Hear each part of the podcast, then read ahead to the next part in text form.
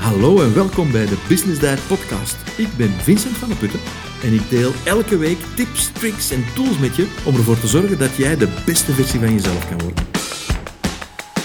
Welkom op deze podcast nummer 34 van de Business Diet. En vandaag heb ik het met jou over een um, fascinerend concept wat ik 30 jaar geleden ongeveer heb uh, voor het eerst gelezen, overgelezen, ontdekt. En het kwam uit een boek van uh, professor James Cars, die in september 2020 helaas overleden is. Maar dat boek is, uh, heeft een enorme impact gehad op mij. En ik heb het onlangs terug ontdekt, zal ik maar zeggen. Dus dat is uh, voor mij ook een beetje een wake-up call geweest. En ik dacht, ik deel met jou die ontdekking. En ik deel hopelijk vandaag in deze podcast met jou waarom het zo'n effect heeft gehad op mij, dat boek. Het boek was, of heet, Finite versus Infinite Games. En dat was eigenlijk gebaseerd op uh, ja, speltheorie, um, waar ik geen verstand van heb. Dat is een uh, wiskundig, wiskundig verhaal. Maar datgene wat er in het boek naar boven komt, um, is eigenlijk ja, in alles van ons leven van toepassing. Zowel in het zakelijke deel, het ondernemerschap, maar ook in het persoonlijke stuk, in sport en noem maar op.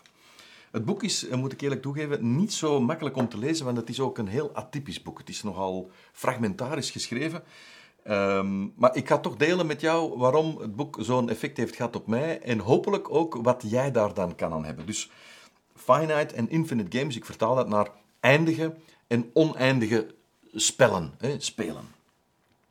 Dus de definitie die James Cars, professor James Cars geeft over uh, of aan een eindig spel. Een eindig spel, dat is een spel waarbij je uh, de spelers afge gesproken, afgebakende regels hebben die, die gekend zijn door alle spelers. Dat is één element. Twee, er is een heel duidelijke timing, een, een start- en een einduur, een finish, wat dan ook. Een heel duidelijke tijdlijn. Uh, drie, de spelers zijn ook bekend. En vier, het doel van een eindig spel is om het spel te winnen. Um, Monopoly is zo'n spel. Um, hoewel dat daar de tijdsduur ja, de tijdsduur is eigenlijk bepaald uh, tot het moment dat er iemand geen geld meer heeft, denk ik. Maar voetbal is een veel beter voorbeeld. Voetbal duurt uh, twee keer 45 minuten, er zijn twee keer 11 spelers, de regels zijn bekend. Uh, en het doel is om meer punten te halen dan de tegenstrever. Dus dat is een eindig spel. Heel groot verschil met een oneindig spel, waarbij je geen afgesproken regels hebt, waarbij er ook niet echt een finish is. Er is geen tijdslijn, er is geen eindpunt. Um, de spelers die, waarmee je gaat spelen, die zijn ook niet altijd bekend. Er zijn bekende spelers in een, in een uh, oneindig spel en er zijn ook onbekende spelers. Ze zijn ook niet zo aangekondigd zoals bij een eindig spel. En het doel is niet om te winnen. Het doel is ook niet om niet te verliezen. Het doel is om te blijven spelen. Nu, ik weet, het klinkt misschien nog een beetje uh, conceptueel en een beetje ja, paradoxaal. Een voorbeeld van zo'n spel, hoewel het spel misschien een slecht woord is daarbij, is uh, de Koude Oorlog. De Koude Oorlog was, daar was geen tijdslijn op. de spelers waren niet allemaal bekend. Hè. Er waren bekende spelers, maar ook onbekende spelers. Um, het doel was om, om die situatie gaande te kunnen houden. De Koude Oorlog was gewoon, ja, dat had de bedoeling om, om, om blijvend te gaan. Dus om, om het spel te blijven spelen, als het woord spel daar al uh, van toepassing is natuurlijk.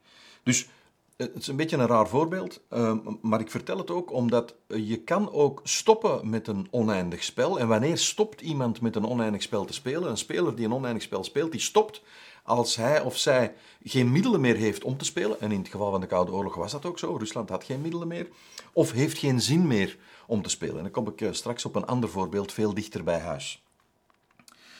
Er is eigenlijk weinig aan de hand, of er zijn niet veel problemen als je in een eindig spel speelt en dat je daarbij eindige spelers tegen eindige spelers zet dus bijvoorbeeld in een, in een tenniswedstrijd, uh, speler A tegen speler B, die weten allebei de regels, die weten hoe lang het spel gaat duren, die weten wanneer iemand gewonnen heeft, het doel is ook om te winnen enzovoort. Geen issue. Er is eigenlijk ook geen issue als je twee oneindige spelers tegen elkaar zet in een oneindig spel. Maar er zijn van alle issues, er komt van alles naar boven, als je bijvoorbeeld in een oneindig spel plots uh, geconfronteerd wordt met een speler die een eindig spel wil maken of spelen. Ik zal een voorbeeld geven. Het is ook weer een beetje conceptueel, maar ik denk dat je gaat begrijpen wat ik bedoel.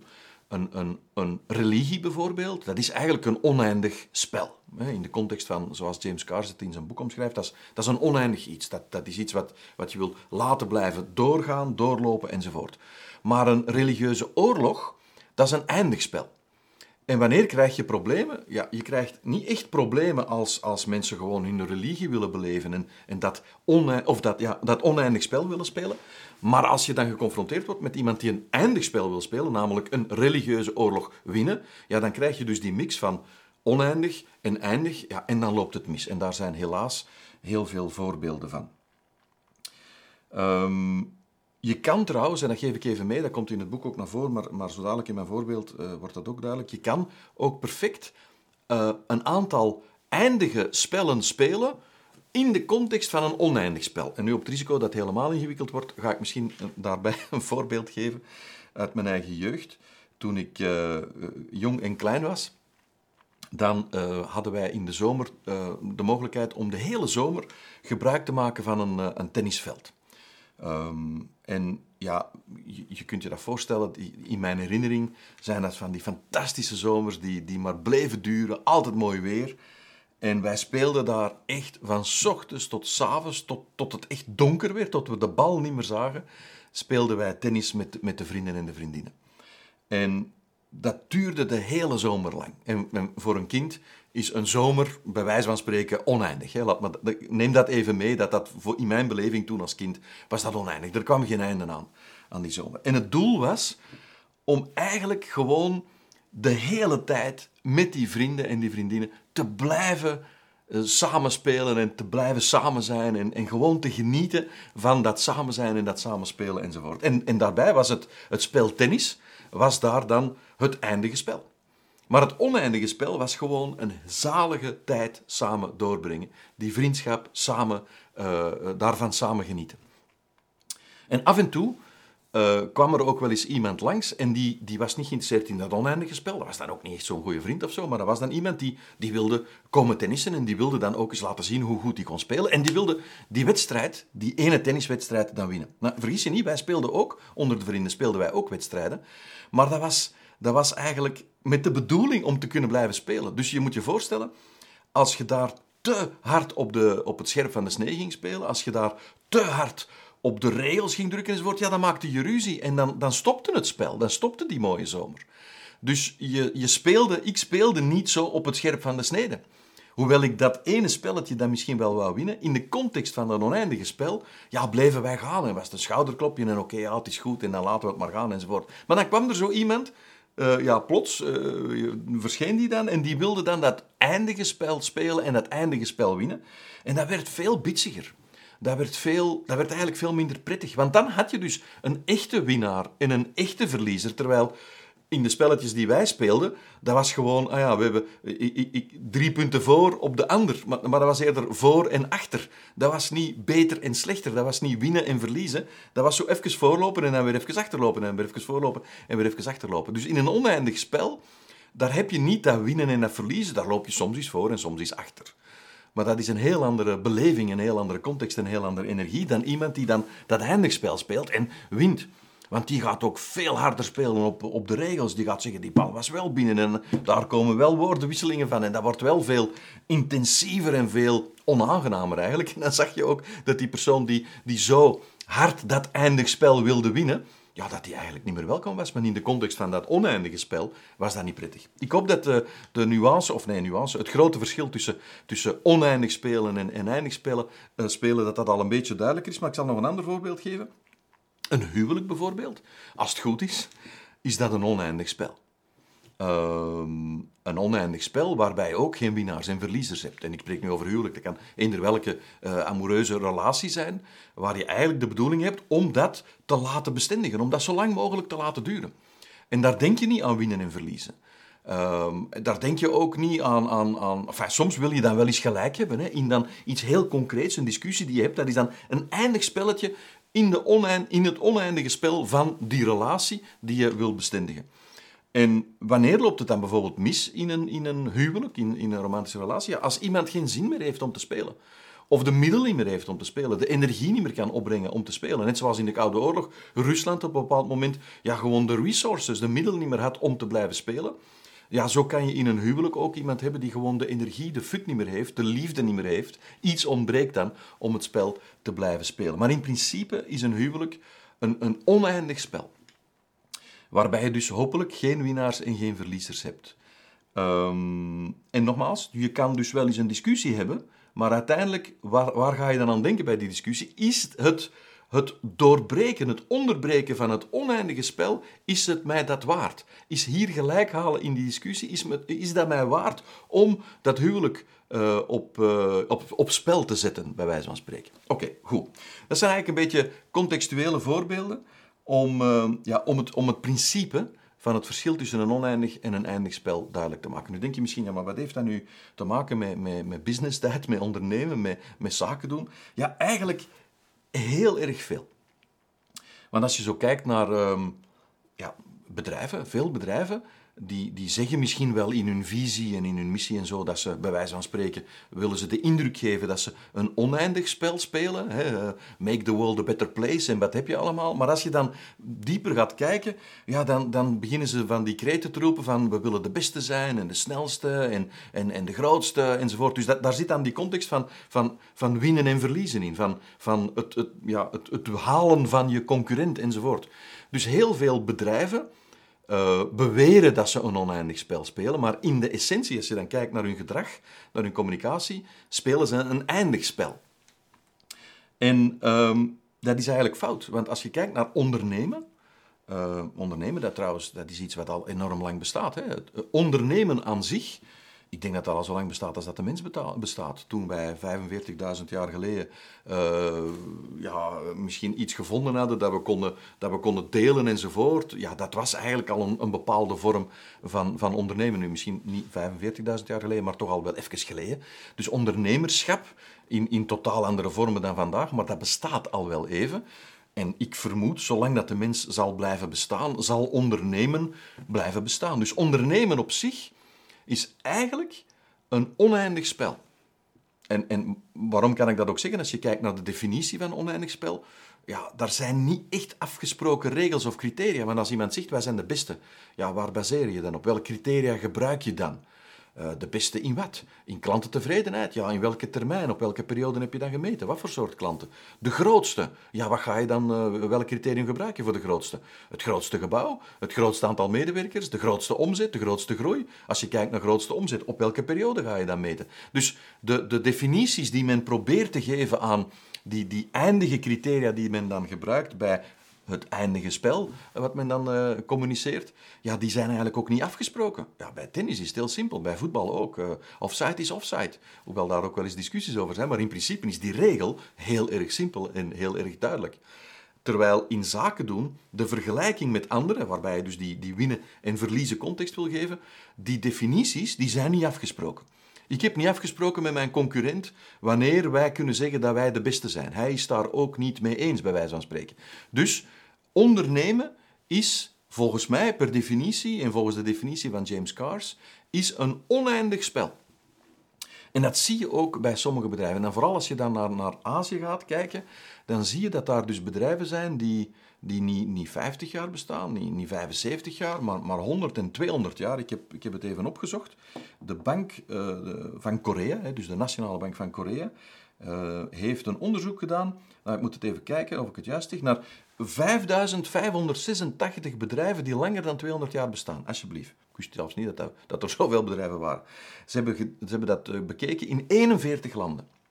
In 41 landen over de hele wereld. Bank of Korea is natuurlijk een Aziatische bank en heeft uiteraard daarbij ook in die 41 landen die ze hebben onderzocht, ook Aziatische landen bekeken. Nu hou je vast. Van die 5586 bedrijven die langer dan 200 jaar bestaan, wat ik dus enorm lang vind. Ik heb zoiets van 200 jaar geleden. Wat voor bedrijven waren dat dan? Ja, ondernemingen die vandaag nog steeds bestaan en succesvol zijn. Die moeten dus ongetwijfeld een oneindig spel mindset hebben hou je vast, daar zijn 56% van die bedrijven, dus meer dan de helft, zijn uh, Japanse bedrijven. En als je een beetje de Japanse cultuur kent of niet kent, dan nodig ik je uit om ze een beetje te gaan uh, ja, onderzoeken, daar, daarover te leren. Dat is echt een heel lange termijn mindset. Dat is echt een mindset van het spelen van een oneindig spel. En dan, toen ik dat las van die Bank uh, van Korea, dan dacht ik, oké, ja, ondernemen is een oneindig spel, maar ik maak dat zo eindig door te kijken naar kwartaalresultaten, jaarresultaten, jaarafsluiting, bespreking, algemene vergadering. Ik, ik denk zo, ja, in mijn termen denk ik zo, de eindigheid is dan bijvoorbeeld een exit of is wanneer ik stop met werken. Maar 200 jaar? Denk jij aan, aan hoe je bedrijf er gaat uitzien binnen 200 jaar? Uh, ik las een ander voorbeeld van iemand die zegt, ja, wij spreken in termen van 500 jaar, omdat het dan zo abstract wordt dat je jezelf dwingt om echt een oneindig spel te gaan spelen. Dus ik ben dan gaan zoeken naar een aantal eigenschappen die die echt lange termijn, oneindig spel spelende bedrijven en bedrijfsleiders, welke eigenschappen hebben die? En ik heb er drie geïdentificeerd, misschien zijn er meer, maar ik heb er alvast uh, drie gevonden. Um, en, en het eerste, uh, de eerste belangrijke eigenschap heeft te maken met het antwoord op um, waarom besta je? Waarom bestaat jouw bedrijf? En als je, als je antwoord daarop is om de beste, de grootste enzovoort te zijn, ja, dan speel je een eindig spel.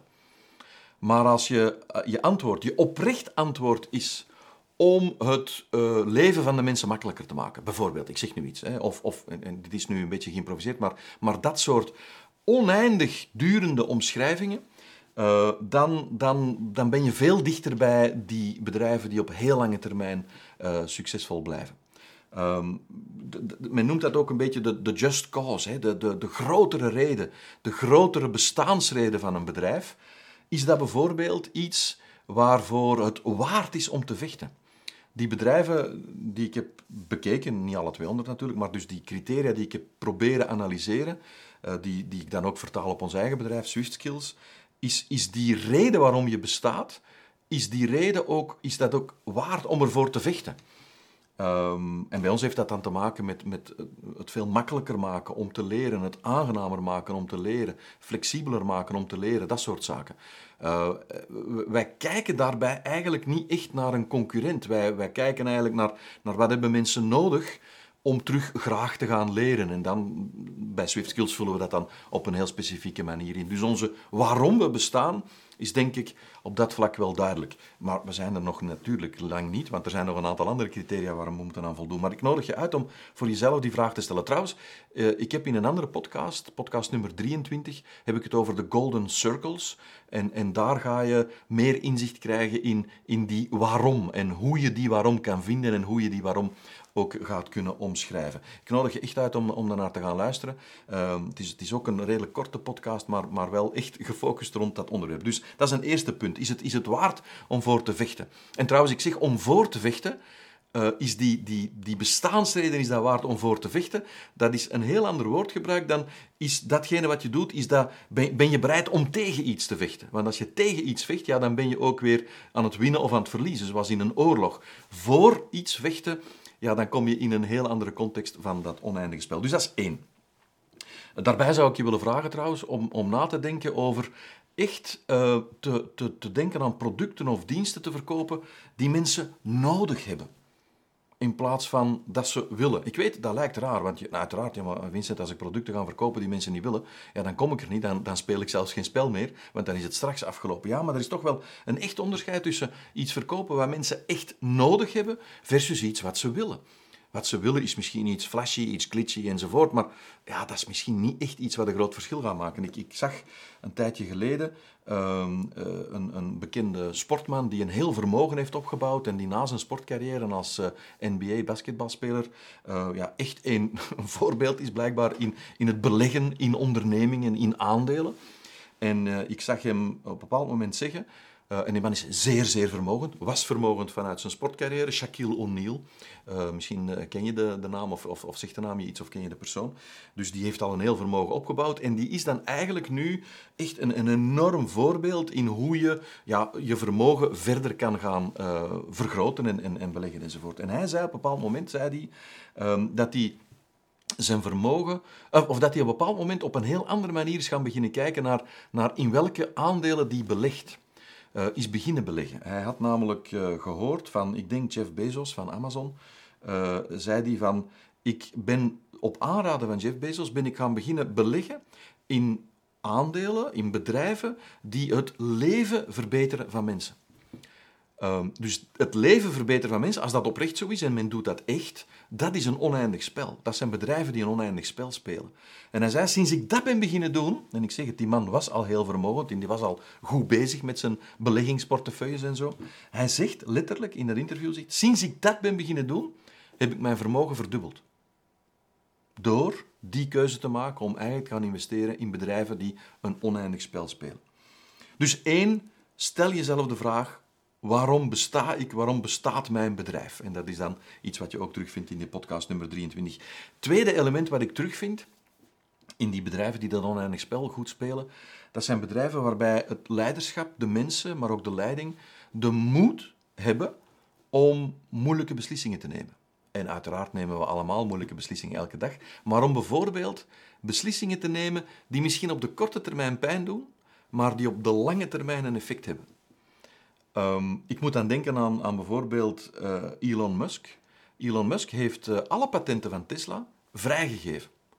Dat is iets wat op korte termijn misschien economisch nadeel heeft, want er zijn heel veel andere automerken die die patenten hebben gebruikt en zijn beginnen ja, toepassen om dan zelf elektrische auto's te maken enzovoort. Maar Elon Musk is, ondanks wat je misschien zou denken, ik heb er heel veel over gelezen, die is eigenlijk een oneindig spel aan het spelen.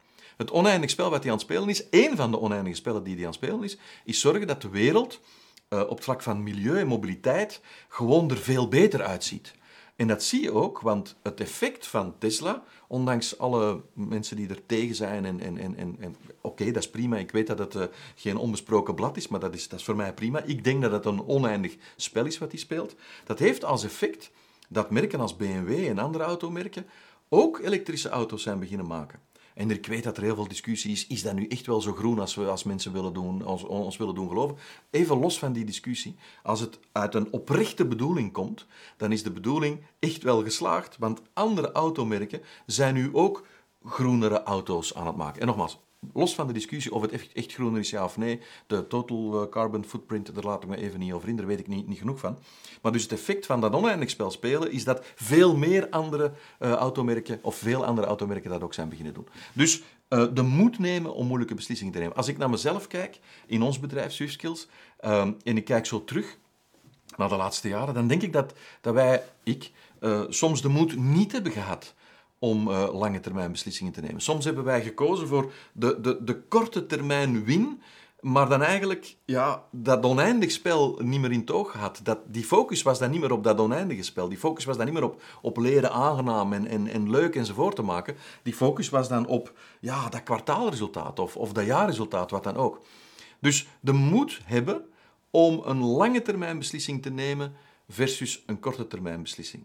Uh, de moed dus bijvoorbeeld hebben om een bepaalde opdracht niet aan te nemen. De moed hebben om bijvoorbeeld met een bepaalde klant niet in zee te gaan. Ik weet, uh, Amy bijvoorbeeld heeft op een bepaald moment de moed gehad om een interview uh, en, en, en zelfs mee te doen aan een televisiereeks waar ze was voor uitgenodigd. En, en er is lang over nagedacht en eigenlijk is er toen bedacht, dat is een eindig spel, dat gaan we niet spelen. Dat was een heel moedige beslissing, want de verleiding natuurlijk om deel te nemen aan een televisieprogramma uh, was, was, was groot. Uh, maar dat was dus het eindige. En die moed, uh, die, die herken ik in bedrijven die dus oneindige spellen spelen. Dus één, waarom bestaat je bedrijf? Die vraag goed kunnen beantwoorden. Hè. Ik wij podcast 23 erbij. Twee, de moed hebben om moeilijke beslissingen te nemen die een effect hebben op lange termijn en die misschien op korte termijn pijn doen. En drie, vertrouwen in je mensen hebben en vertrouwen van je mensen krijgen. Je weet, uh, business tijd, ik spreek dikwijls over wederzijds vertrouwen, wederzijds respect en transparantie, maar dat is iets wat ik heel erg uh, vaak zie terugkomen. Dus het vertrouwen uh, dat je mensen hebben in hun handelen. Het vertrouwen dat je mensen dus ook hebben om beslissingen te nemen zonder altijd de procedure te moeten raadplegen, zonder toestemming te komen vragen. Als je mensen dat vertrouwen hebben in die bedrijven die een oneindig spel spelen, hebben de medewerkers, de teamleden, hebben het vertrouwen om zelf beslissingen te nemen, want zij weten ook in welke richting dat het, dat het bedrijf wil gaan. Zij weten, ze kennen dat intern kompas dat hun uh, vooruit trekt. Maar dat vertrouwen betekent dus bijvoorbeeld ook voldoende vertrouwen hebben om je eigen fouten toe te geven als, als teamlid. En ik heb daar iets heel moois van gezien in het uh, team uh, Bluewell, wat, wat ook overkoepelende organisatie is van Fast Forward Amy en waar ook uh, Business Diet uh, onder valt. Dat was een, een, dame, ik heb het gisteren, gisteren gehoord, half gehoord, half meegemaakt, was een dame. En die, er moest dit weekend moest er iets gebeuren en dat, dat was niet gebeurd. En dat heeft nogal wat consequenties gehad. Het heeft te maken met, met een bepaalde post die moest gezet worden, die dan gelinkt was aan een, aan een programma. En, allee, een heel ingewikkeld verhaal waar ik onvoldoende van snap. Maar wat ik heel mooi vond, is dat die dame op zaterdag de telefoon heeft genomen en gebeld heeft met Amy. Amy die er de consequentie van droeg. Uh, van, van die fout die gemaakt was. En dus de moed had, het vertrouwen ook had uh, in Amy om te zeggen van hey Amy, I fucked up. Ik heb een fout begaan en uh, ja, dat, was, dat heeft die en die consequentie. Ik ben aan het nadenken hoe ik het kan rechtzetten enzovoort. Daar is moed voor nodig om dat te doen, maar er is ook vertrouwen voor nodig in wie je bent in dat team. Je hebt vertrouwen nodig in je team. En ik vond ook heel mooi hoe Amy er dan is mee, mee omgegaan. maar dus dat vertrouwen, dat onderling vertrouwen, dat is ook een eigenschap van die bedrijven die dat oneindig spel spelen. Het is een uh, podcast waarbij het vooral over uh, een concept gaat. Ik nodig je toch echt uit om daar eens goed over na te denken. Speel jij een eindig spel in je onderneming, in je bedrijf? Speel je een eindig spel in je relatie? Speel je een eindig spel in je leven? Of speel je een oneindig spel? Denk jij op wat je wil bereikt hebben of betekend hebben, sorry, op 200 jaar? Of denk je, zoals ik vaak gedacht heb, op kwartaalbasis of op jaarbasis? Ik nodig je uit om je mind echt te gaan shiften van dat eindig spel te spelen naar een oneindig spel. En daarbij is het oké van af en toe eens een eindig spel te spelen. Ik nodig je ook uit om je heel bewust te zijn van, van de eigenschappen van een oneindig spel. En de bedoeling van een oneindig spel, dat dat vooral is om het spel te laten spelen, om het spel zo lang mogelijk te laten duren, net zoals in een huwelijk. En dan ga je alles op een ja, andere manier kunnen bekijken, dan ga je ook veel meer kunnen relativeren, dan ga je de energie kunnen vrijmaken voor datgene wat echt telt. En dan ga je ook de moed hebben om beslissingen te nemen die op korte termijn misschien pijn doen, maar op lange termijn toch in de richting gaan van waar je naartoe wil. Ik wens je daarbij heel erg veel succes. Was het te veel om te onthouden? Geen nood. Je vindt een samenvatting via het blogartikel van deze podcast. Dit was aflevering nummer 34, dus dan vind je de samenvatting op www.businessdiet.be slash 34 en dan bedoel ik zoals altijd het getal. Als je nu volgende afleveringen van de Business podcast niet wil missen, eh, dan nodig ik uit om je te abonneren op de podcast. Dat kan via Spotify, dat kan via Apple Podcast, dat kan ook in beeld via YouTube, want dit wordt ook in beeld opgenomen. En bij deze aflevering uh, heb ik nagedacht over wat, wat kan ik je geven waar je ook uh, specifiek iets aan hebt in de context van deze podcast. En daar heb ik gedacht aan uh, ja, overtuigend vernieuwing brengen, want het concept van oneindig spel te gaan spelen is misschien een, een overtuigende vernieuwing of een vernieuwing die op een overtuigende manier gaat moeten brengen. En die vind je op www.businessdiet.be slash en dan allemaal aan elkaar geschreven overtuigend vernieuwing brengen. Indien je de aflevering leuk vond, deel ze dan zeker op Instagram en tag me met @businessdiet. Dat doet me echt heel veel plezier. Ik wens je veel succes en heel graag tot volgende week.